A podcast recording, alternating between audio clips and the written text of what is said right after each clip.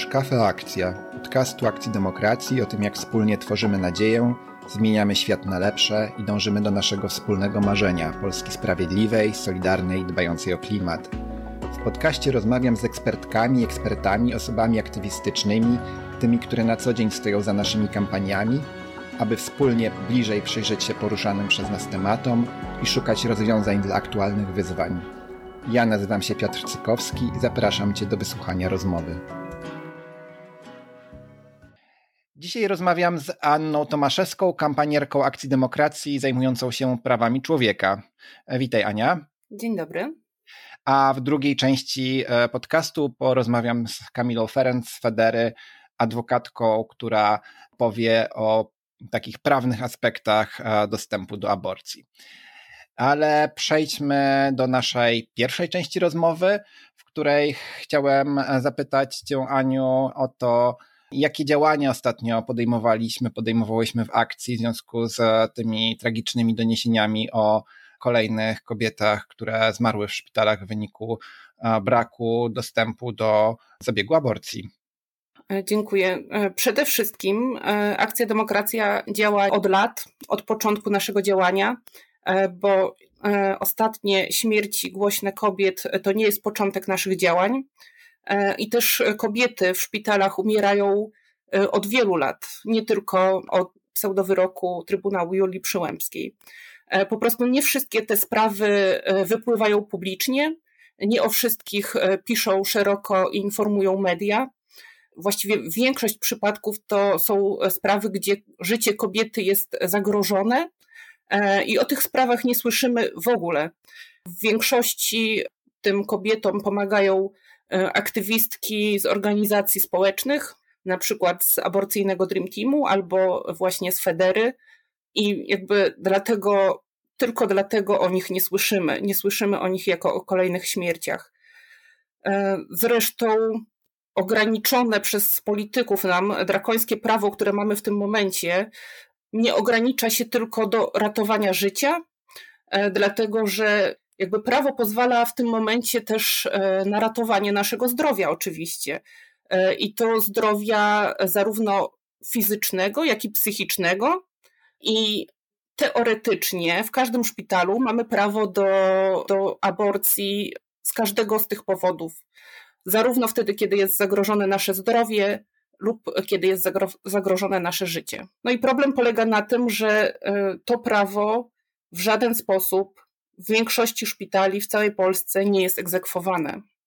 I ruch Akcji Demokracji generalnie domaga się po prostu, aby prawo nie ograniczało decyzji kobiety, e, żeby było, e, żeby ono po prostu odpowiadało i zarówno europejskim standardom, jak i aktualnej wiedzy medycznej, tak żeby każda osoba, która tego potrzebuje, miała dostęp, prawdziwy, realny dostęp, e, a więc do bezpłatnej, dostępnej lokalnie w najbliższym szpitalu, tak żeby nie trzeba było jechać na drugi koniec Polski albo do innego kraju aborcji.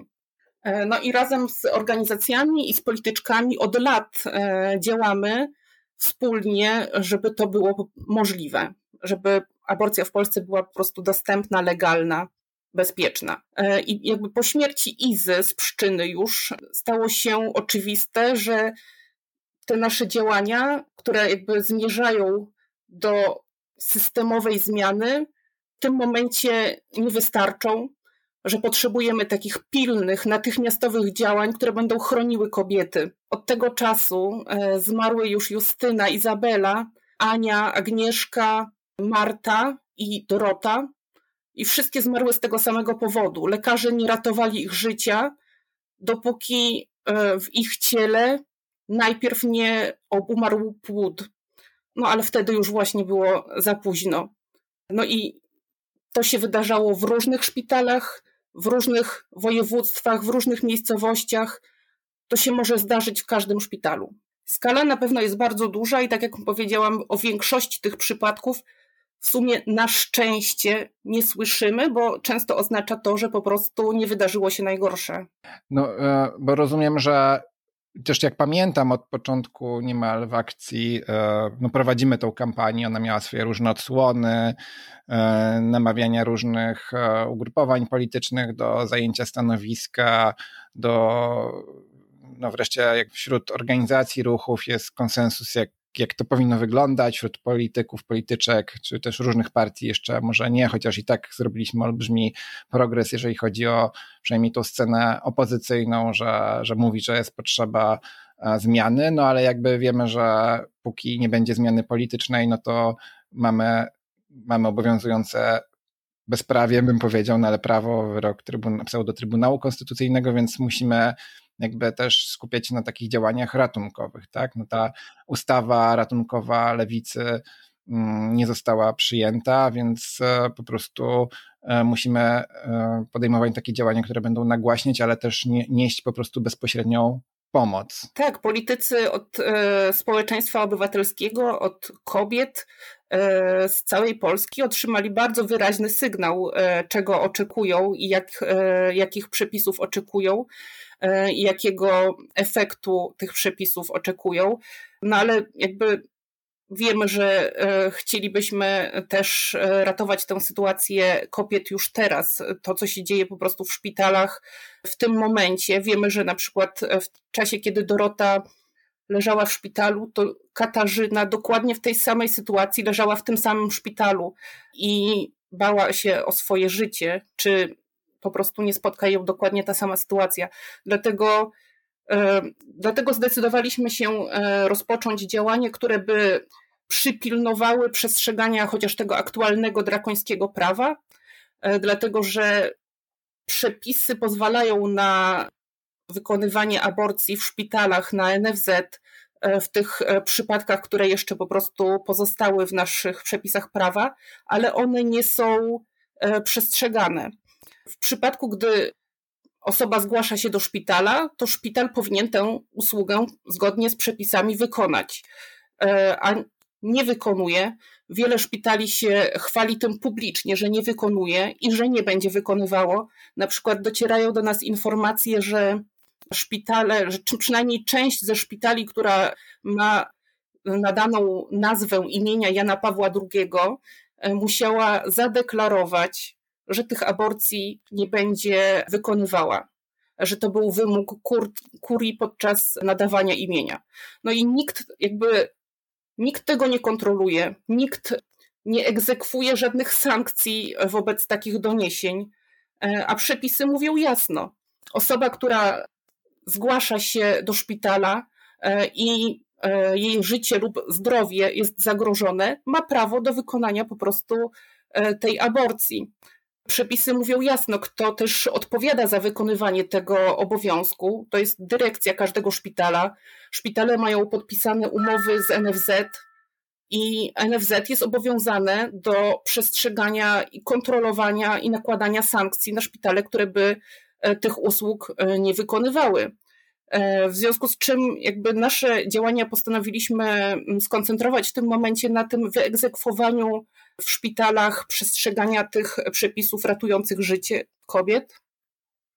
I tam postanowiliśmy skierować e, w tym momencie e, nasze działania. No właśnie, bo o takich prawnych aspektach, jak już e, no, trafi się do szpitala, albo ktoś bliski trafi, jak, jakie, na jakie przepisy można się powoływać, jak w praktyce domagać się swoich praw, czy też po prostu zabezpieczać się na różne okoliczności. Będę rozmawiał e, z Kamilą w drugiej części rozmowy, a rozumiem, że tutaj akcja Demokracja, nasz ruch włącza się do takich działań, żeby wywrzeć taką zewnętrzną e, presję po prostu na przestrzeganie e, na tych obowiązujących przepisów, które no, są daleko niewystarczające, ale są i mimo wszystko są łamane i to jak my jako zaangażowane osoby możemy próbować przynajmniej od tych szpitali e, wyegzekwować, żeby przestrzegały obowiązującego prawa, tak? Rozumiem, że to jest próba wywarcia takiej presji. Tak, no akcja, jedno, e, akcja Demokracja z jednej strony cały czas informuje zarówno o tych numerach ratunkowych, e, ponieważ w Dniu Kobiet aktywistki Akcji Demokracji sfinansowały takie jeżdżące billboardy w województwie małopolskim, w województwie lubelskim około miesiąca jeździły e, z numerami do aborcji bez granic, żeby umożliwić, udostępnić ludziom ten numer, żeby mogli z niego korzystać. Z drugiej strony wywiera presję na politykach, na decydentach. Będziemy pilnowali oczywiście tego, żeby ten nasz główny cel e, został osiągnięty, to czego domaga się polskie społeczeństwo. I staramy się też wywierać presję na te struktury, które po prostu są teraz odpowiedzialne za te śmierci kobiet. E, za te struktury, które po prostu są w naszym prawie umocowane do tego, żeby nasze zdrowie i życie ratować teraz. Numer telefonu znajdziesz w opisie e, podcastu. Nie wiem, Ania, czy możesz go teraz e, nam przypomnieć? E, tak, oczywiście. To są przede wszystkim dwa numery telefonu, z których można skorzystać do dwóch organizacji społecznych. Jedna to wspomniana Federa, to jest Fundacja na Rzecz Kobiet i Planowanie Rodziny. To jest numer 22 635 9395 i numer do aborcji bez granic, który zna już prawie cała Polska, ale niestety jeszcze nie cała, więc cały czas go podajemy. To jest 22 29 22 597. Warto sobie zapisać, tak jak powiedziałem, są również e, w opisie tego podcastu. Warto sobie zapisać, warto go mieć przy sobie wtedy, kiedy się idzie do szpitala, bo po prostu to mogą, mogą być e, numery ratujące życie. Dzięki za to przypomnienie i faktycznie też e, w rozmowie z Kamilą Ferenc rozmawiam o tym, jak inne osoby mogą się włączyć też w wsparcie osób, które trafiają w ciąży do szpitala. A chciałem Cię zapytać o to, co w najbliższym czasie można się włączyć, jakie działania my podejmujemy. Też w dniu, kiedy mm, jest emisja tego odcinka, wiem, że ty będziesz w nowym targu. Powiedz, co tam e, będziesz robić. Tak, dzisiaj e, będziemy w nowym targu. E, chcemy ratować osoby, które w tym momencie znajdują się w szpitalu, bo wiemy, że takich osób może być po prostu tam więcej. Rozciągniemy baner z numerami ratunkowymi do organizacji społecznych tam są prawnicy, tam są e, lekarze, tam są osoby, które po prostu e, pomogą w kryzysowych sytuacjach. Doręczymy również apel e, do lokalnego oddziału NFZ w Nowym Targu, po to, żeby pilnować ich działania, ich reakcji i, i tego, żeby, mm, żeby rzeczywiście ta zmiana nastąpiła. Już jest zresztą zapowiedziana kontrola w szpitalu w Nowym Targu. No ale jest to jakby daleko mm, niewystarczające, bo nie wystarczy traktować tych spraw jako poszczególne przypadki. Wiemy, że e, są całe województwa, w którym nie ma ani jednego szpitala, który wykona aborcję w momencie, kiedy ona będzie po prostu niezbędna. E, dodatkowo dzisiaj też startujemy z dystrybucją w całej Polsce e, naklejek z tymi numerami. Chcemy, żeby pojawiły się właśnie w okolicach E, szpitali, przychodni, tam gdzie po prostu są osoby, które powinny ten numer otrzymać, tam gdzie one po prostu będą potrzebowały mieć go przy sobie. Co można zrobić, żeby, żeby takie naklejki rozklejać razem z nami? Wystarczy je zamówić. Będą informacje dziś na naszych mediach społecznościowych.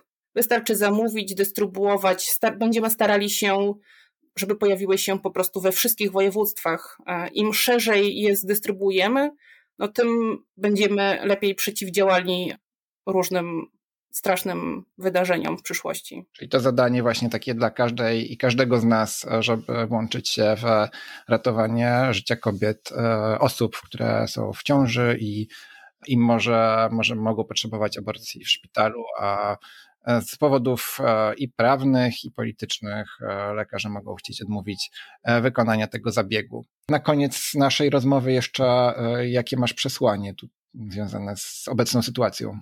Chciałabym podkreślić, że uważam, że to straszne, że musimy po prostu same ratować swoje życie i podziękować wszystkim, którzy się angażują, wszystkim aktywistkom, które wyręczają nasze państwo i tak naprawdę ratują codziennie zdrowie i życie e, kobiet w Polsce.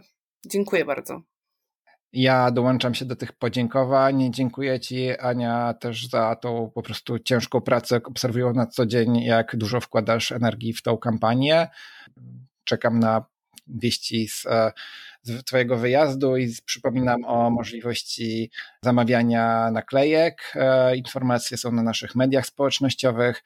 A teraz zapraszam do wysłuchania rozmowy z Kamilą Ferenc, e, prawniczką z Federy, która powie o takich prawnych zagadnieniach związanych z zabezpieczeniem e, osoby, która znajduje się w szpitalu i potrzebuje aborcji.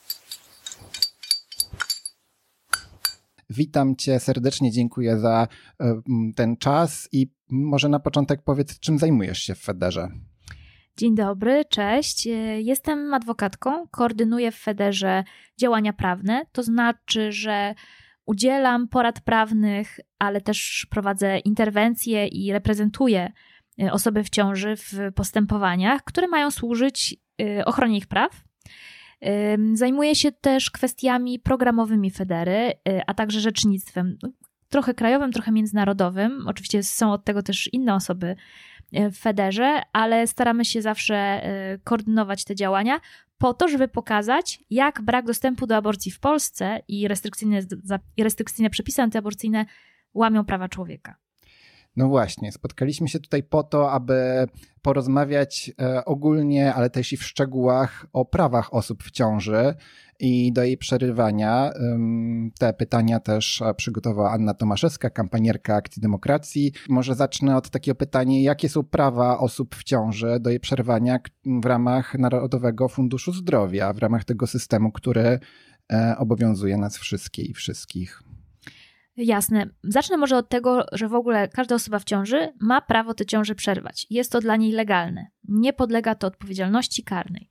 Natomiast jeżeli jesteśmy na płaszczyźnie właśnie NFZ-u, ubezpieczenia zdrowotnego i tego, żeby za darmo w publicznym szpitalu y, móc mieć dostęp do aborcji, to rzeczywiście tutaj są y, ograniczone sytuacje, wyraźnie wskazane w ustawie, kiedy można się takiego gwarantowanego świadczenia zdrowotnego, bo tym jest aborcja, domagać. I jest to sytuacja, kiedy ciąża jest wynikiem czynu zabronionego, najczęściej zgwałcenia, ale taką ciążę można przerwać tylko do 12 tygodnia jej trwania i trzeba mieć zaświadczenie od prokuratora o tym, że właśnie istnieje wysokie prawdopodobieństwo, że ta ciąża powstała w wyniku zgwałcenia lub jakiegoś innego przestępstwa na tle seksualnym.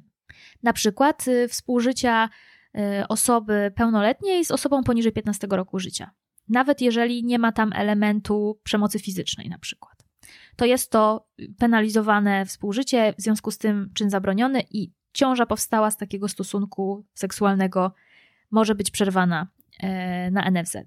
Druga sytuacja to jest zagrożenie dla zdrowia lub życia osoby w ciąży. Wystarczy, żeby było tylko zagrożenie dla zdrowia, wystarczy, żeby było tylko zagrożenie pośrednie, Y, I już w celu eliminacji takiego ryzyka można, mm, bez względu na to, czy to jest zagrożenie dla zdrowia fizycznego czy psychicznego, można taką ciążę przerwać. I tutaj nie ma terminu czasowego, do którego tygodnia ciąży można to zrobić, ponieważ zdrowie i życie osoby w ciąży jest zawsze ważniejsze niż, e, niż życie płodu. No to ja tu widzę już e, dwa problemy. Po pierwsze, że to prokurator decyduje o losie kobiety, osoby w ciąży, no a wiadomo, że prokuratura jest skrajnie upolityczniona, więc jak to w praktyce wygląda, czy są przykłady takie, że prokuratura wydaje taką w ogóle zgodę, ale no też wyobrażam sobie, że robi dużo rzeczy, żeby utrudniać. Ja znam tylko jeden przypadek wydania takiego zaświadczenia, co nie znaczy, że być może nie było ich więcej, aczkolwiek przeczą temu oficjalne dane statystyczne. To znaczy w sprawozdaniach rządu z wykonania ustawy gwarantującej aborcję mm, wynika, że takich aborcji nie ma w Polsce w ogóle. Oczywiście mówimy o tym systemie publicznej opieki zdrowotnej. Poza tym systemem, czyli aborcje domowe, wyjazdy za granicę, mm, najpewniej takie aborcje tam są. Natomiast to pokazuje, że Osoby, które zaszły w ten sposób w ciążę, bo na przykład zostały zgwałcone, nawet nie próbują tego zaświadczenia uzyskać. To znaczy, ja nie spotykam się z klientkami, które prosiłyby mnie o pomoc w wyegzekwowaniu takiego zaświadczenia, w, w kontakcie prokuratorem. To wynika z tego, że rzeczywiście prawo jest skonstruowane tak, żeby postawić przede wszystkim bariery przed osobą w ciąży, żeby ją zniechęcić do korzystania z tej przesłanki. Bo nie każda osoba po przemocy seksualnej chce od razu ją zgłaszać, a tutaj prawo tego wymaga. Y, co więcej, nie każda osoba chce mm, niejako ze swoich intymnych decyzji, ale też przeżyć, tłumaczyć się prokuratorowi. Po trzecie, tak jak powiedziałeś, upolitycznienie, ukonserwatywnienie prokuratury, ale przede wszystkim taki koniunkturalizm polityczny, który jest wokół aborcji, e, ta atmosfera taka bardzo kontrowersyjna, tabuizująca, stygmatyzująca aborcję, sprawia, że rzeczywiście i w szpitalach, ale też przekłada się to na decyzje prokuratorów, jest taka, żeby unikać tego tematu, nie pomagać, nawet jeżeli e, to jest zgodne z prawem. E, w związku z tym rzeczywiście takich aborcji w publicznym systemie nie ma, ale to dlatego, że rzeczywiście wyegzekwowanie takiej aborcji jest bardzo trudne i rzeczywiście nie powinno to tak wyglądać. Drugie wyzwanie, jakie usłyszałem, no to jest to, powiedziałaś, że dotyczy sprawa, e, jakby to możliwość ze względu na zagrożenie zdrowia, zarówno tego fizycznego, jak i mm, psychicznego. Natomiast no, z wszystkich doniesień, które czytam i tych e, no, strasznych historii, jest, jest wniosek płynie taki, że lekarze jednak dosyć wąsko interpretują i tym zdrowiem psychicznym kobiet chyba mało się przejmują. Czy, czy, czy błędnie to postrzegam, czy jednak wydają decyzje e, dotyczące przeprowadzenia zabiegu aborcji w oparciu o zdrowie psychiczne kobiet? Zagrożenie dla zdrowia psychicznego kobiety. Mamy dwie Polski. E, jedna to jest taka, w której e, rzeczywiście my jako Fundacja Federa uczestniczymy, monitorujemy, interweniujemy i tam te aborcje się odbywają w szpitalach. To znaczy, że my uczymy tych lekarzy, że tak, e, zdrowie psychiczne jest ważne, tak, to jest legalna podstawa do aborcji. Ostatnio wywalczyłyśmy decyzję Rzecznika Praw Pacjenta, który to potwierdza który jest takim jasnym sygnałem dla lekarzy: spokojnie, macie przyzwolenie ze strony instytucji publicznej, żeby takie aborcje wykonywać. No ale to muszą być świadomi lekarze, to muszą być lekarze otwarci na problemy i potrzeby pacjentek. Natomiast wiele szpitali, do których nie docieramy, tak, no bo nie mamy nawet czasami ku temu jakieś przesłanki w postaci konkretnej historii kobiety, no to tam, tak jak pokazują to doniesienia medialne z Pszczyny czy Nowego Targu, mm, prawo jest interpretowane zbyt wąsko, na niekorzyść osoby w ciąży, e, w sposób niezgodny z wiedzą medyczną, w sposób, którego celem jest uniknięcie wykonania aborcji za wszelką cenę.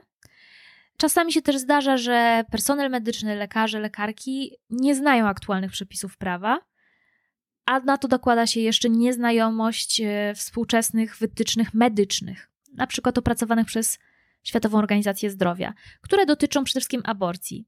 W ogóle zdrowie reprodukcyjne w Polsce jest traktowane jak taka gorsza kategoria medycyny czy, czy, czy sfera życia.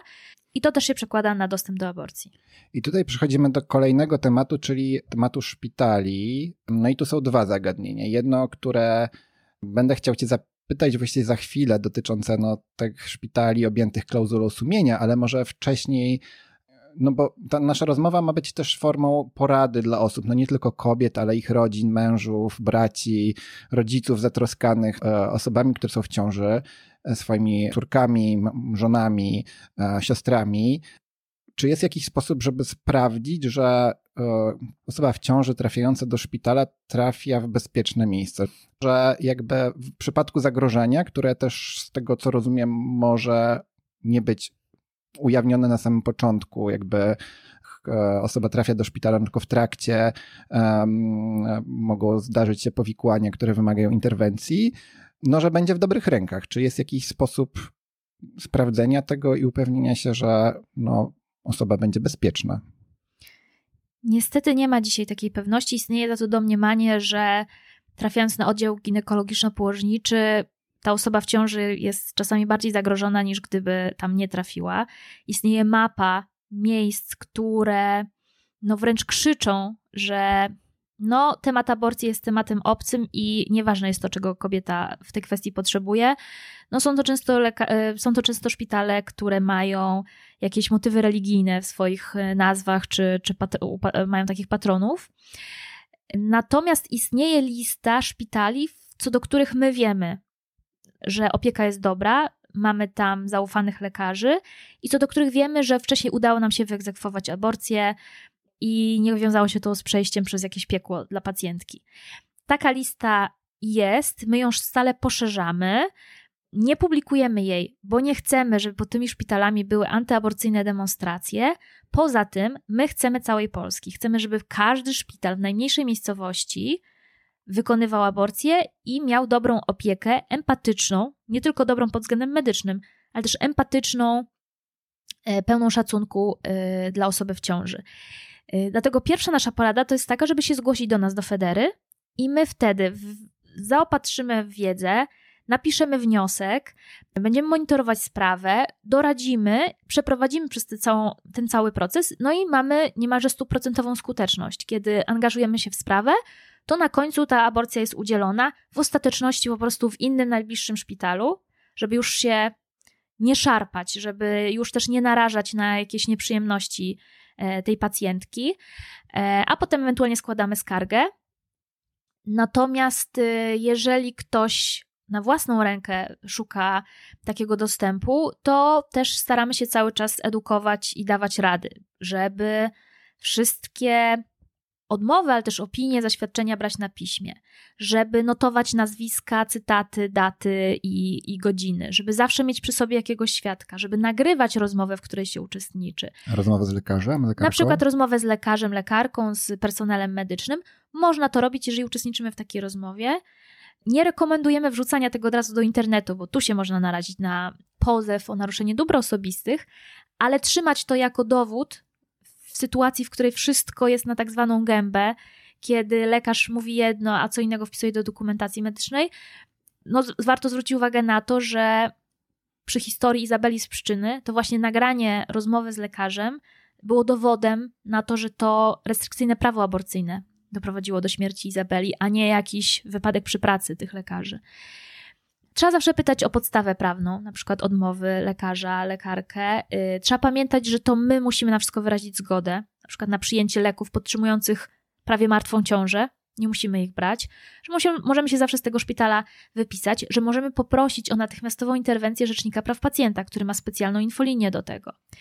My jako Federa też e, sięgamy po różne środki. Są to czasami środki prawne, są to środki korzystające z autorytetu i mandatu posła, posłanki RP, którzy mogą taką kontrolę, interwencję poselską przeprowadzić.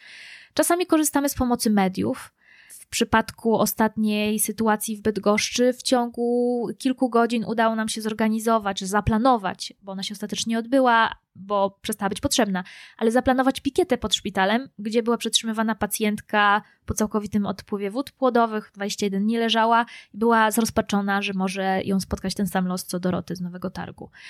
W związku z tym możemy zrobić wiele, ale konkluzja jest taka, że system powinien wyglądać tak, że idę do dowolnego szpitala, bo nie ma rejonizacji, mówię, potrzebuję aborcji z tego i, i tego tytułu. No tutaj ciągle przepisy są niedoskonałe, bo chronią w teorii zdrowie i życie, ale nie chronią potrzeby po prostu podjęcia decyzji o niekontynuowaniu ciąży.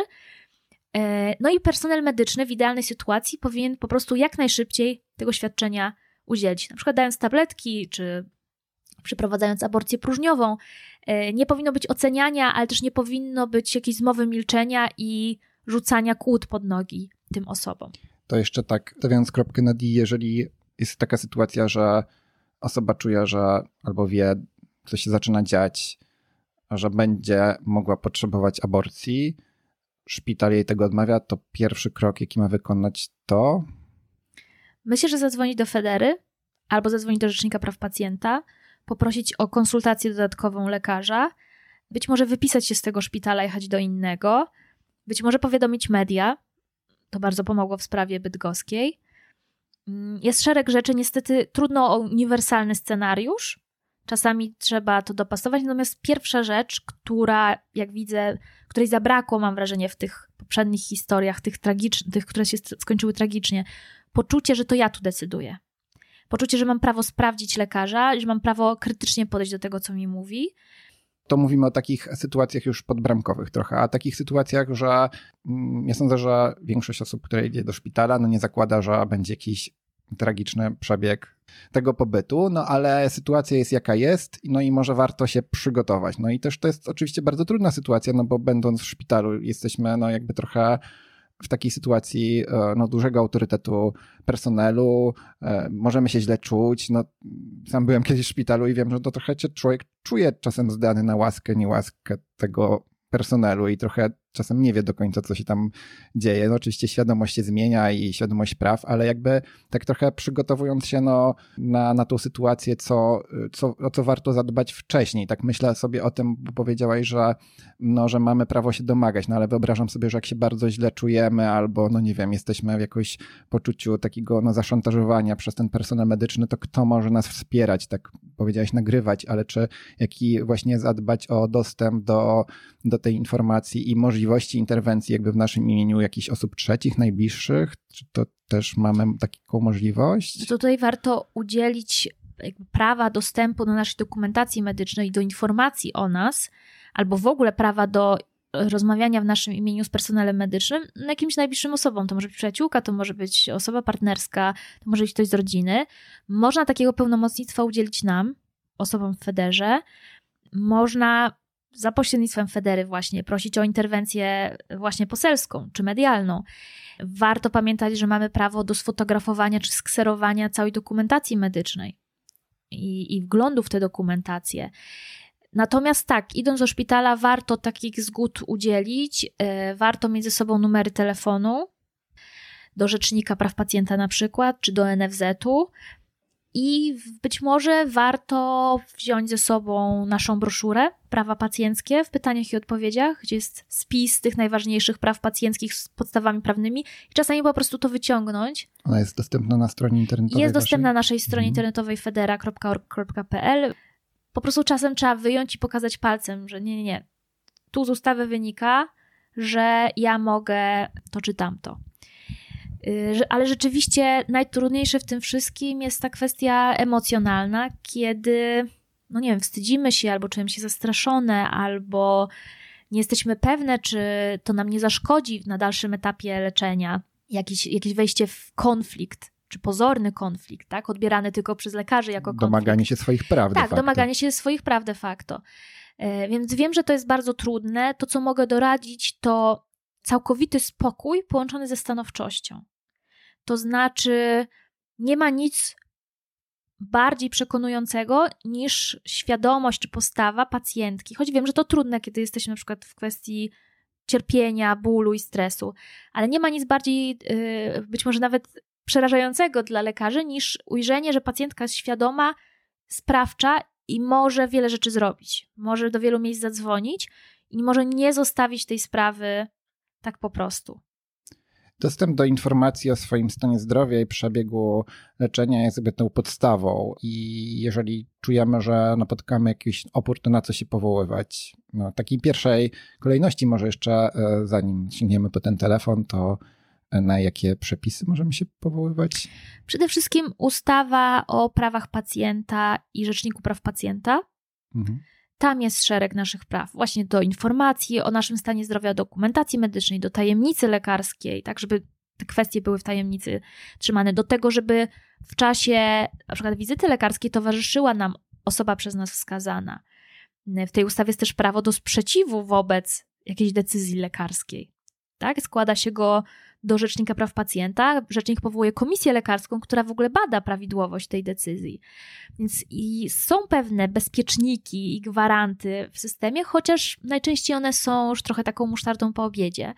E, ciągle brakuje takiego narzędzia prawnego, które zadziała natychmiast, które nas ochroni tu i teraz, kiedy tego potrzebujemy, takiej gorącej linii e, pomocowej. My taką niemalże całodobową w Federze mamy rzecznik y, tylko w godzinach pracy biura, z tego co kojarzę, niestety. Ale tak, przede wszystkim to jest ta ustawa. Pewne kwestie są też w ustawie o zawodach lekarza i lekarza dentysty. Można też sięgnąć do kodeksu etyki lekarskiej, żeby pokazać, że tak, pierwszeństwo zawsze ma dobro pacjenta, pacjentki, aczkolwiek dla mnie ten dokument, on jest wewnętrznym dokumentem, tego środowiska medycznego, no ma pewne mankamenty też w kwestii y, aborcji i na pewno jest mniej istotny albo nie może być sprzeczny z ustawami które nam pewne kwestie gwarantują, na przykład ustawa o planowaniu rodziny z 93 roku. Tam jest napisane, w jakich przypadkach my się możemy domagać aborcji. Koniec kropka. Warto pamiętać, że y, takie ustawy, które przynajmniej w teorii nam to gwarantują, istnieją. Czyli to nie jest tak, jak się próbuje czasem nam przedstawiać, że sprawa wynika absolutna ochrona płodu, zero praw dla kobiety czy osoby w ciąży i wyłącznie taki, ko, takie konserwatywne mm, podejście do aborcji. Owszem, te przypadki, kiedy można mieć aborcję, są restrykcyjne konserwatywne, mhm. Ale cała otoczka tak naprawdę w tej ustawie jest, y, jest dosyć liberalna, tak? Ona pokazuje, że my mamy prawo do edukacji seksualnej, do antykoncepcji, do decydowania o swoim ciele. No tyle, że w praktyce to nie działa. Prawo prawem, a rzeczywistość rzeczywistością, szczególnie w niektórych regionach Polski, jak wiemy w całych województwach, gdzie e, ze świecą szukać e, szpitala, który przeprowadza zabieg aborcji. Stąd takie pytanie, czy jeżeli no, e, zdecydujemy się na, na aborcję poza systemem, to czy no, a jesteśmy jednak objęci tutaj um, jakimś leczeniem ze strony e, lekarza czy też szpitala, to czy jakieś konsekwencje nam grożą i także czy możemy powiedzieć e, lekarzowi, lekarce, że miałyśmy aborcję poza szpitalem?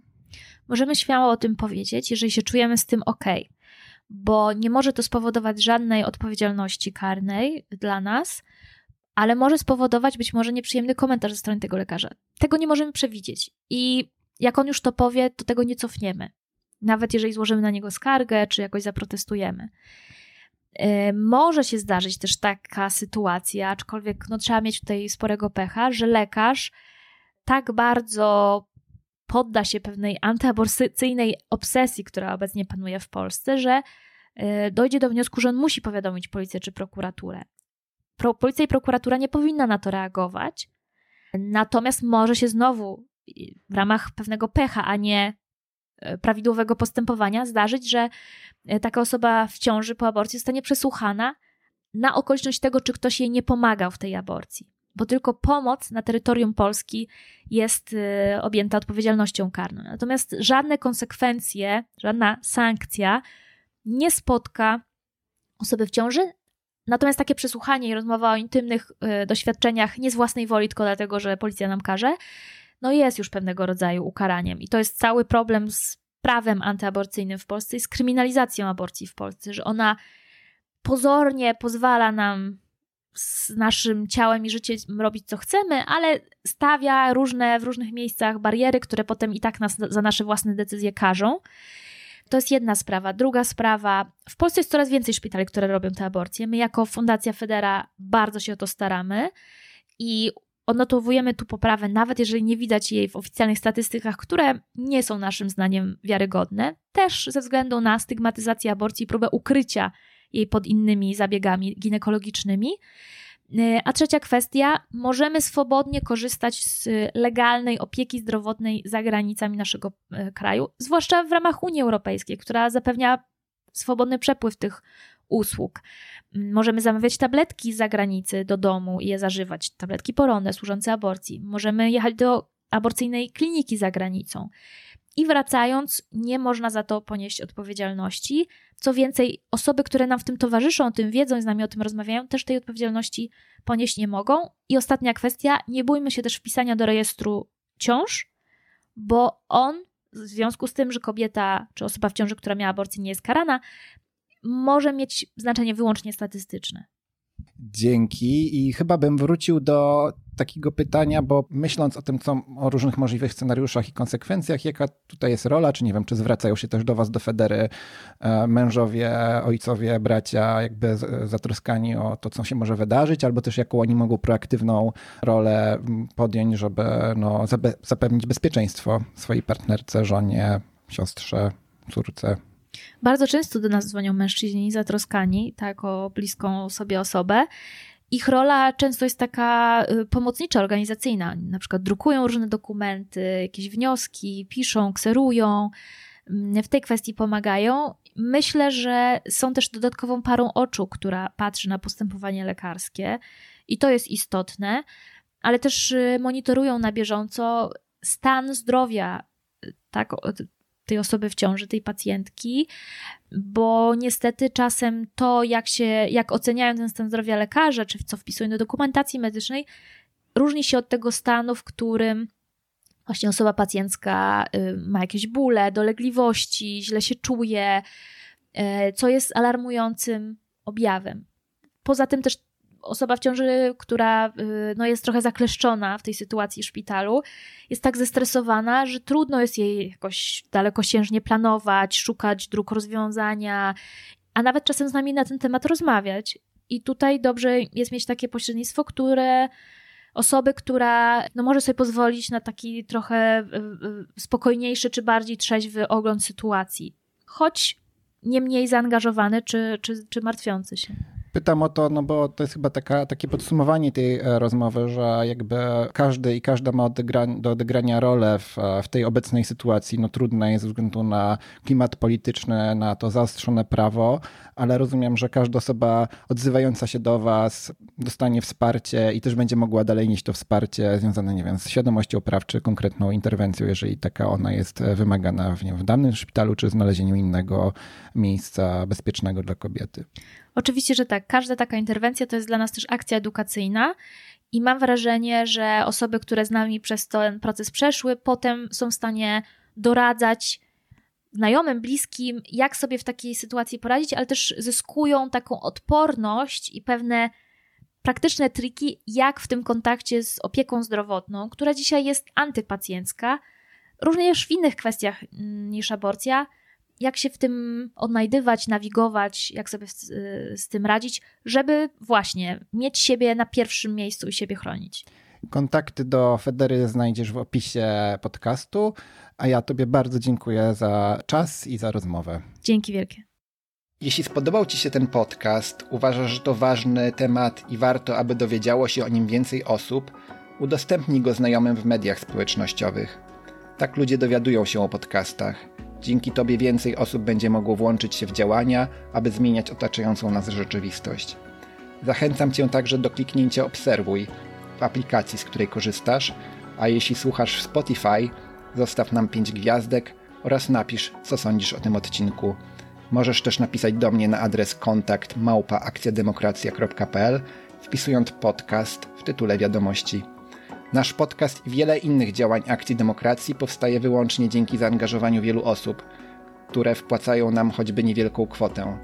Dzięki temu możemy działać skutecznie i niezależnie oraz rozwijać nowe pomysły, jak z progresywnym przesłaniem docierać jak najszerzej. Zapraszam Cię do dorzucenia się. To proste, wejdź na stronę www.akcjademokracja.pl i skorzystaj z bezpiecznego systemu płatności. I do usłyszenia.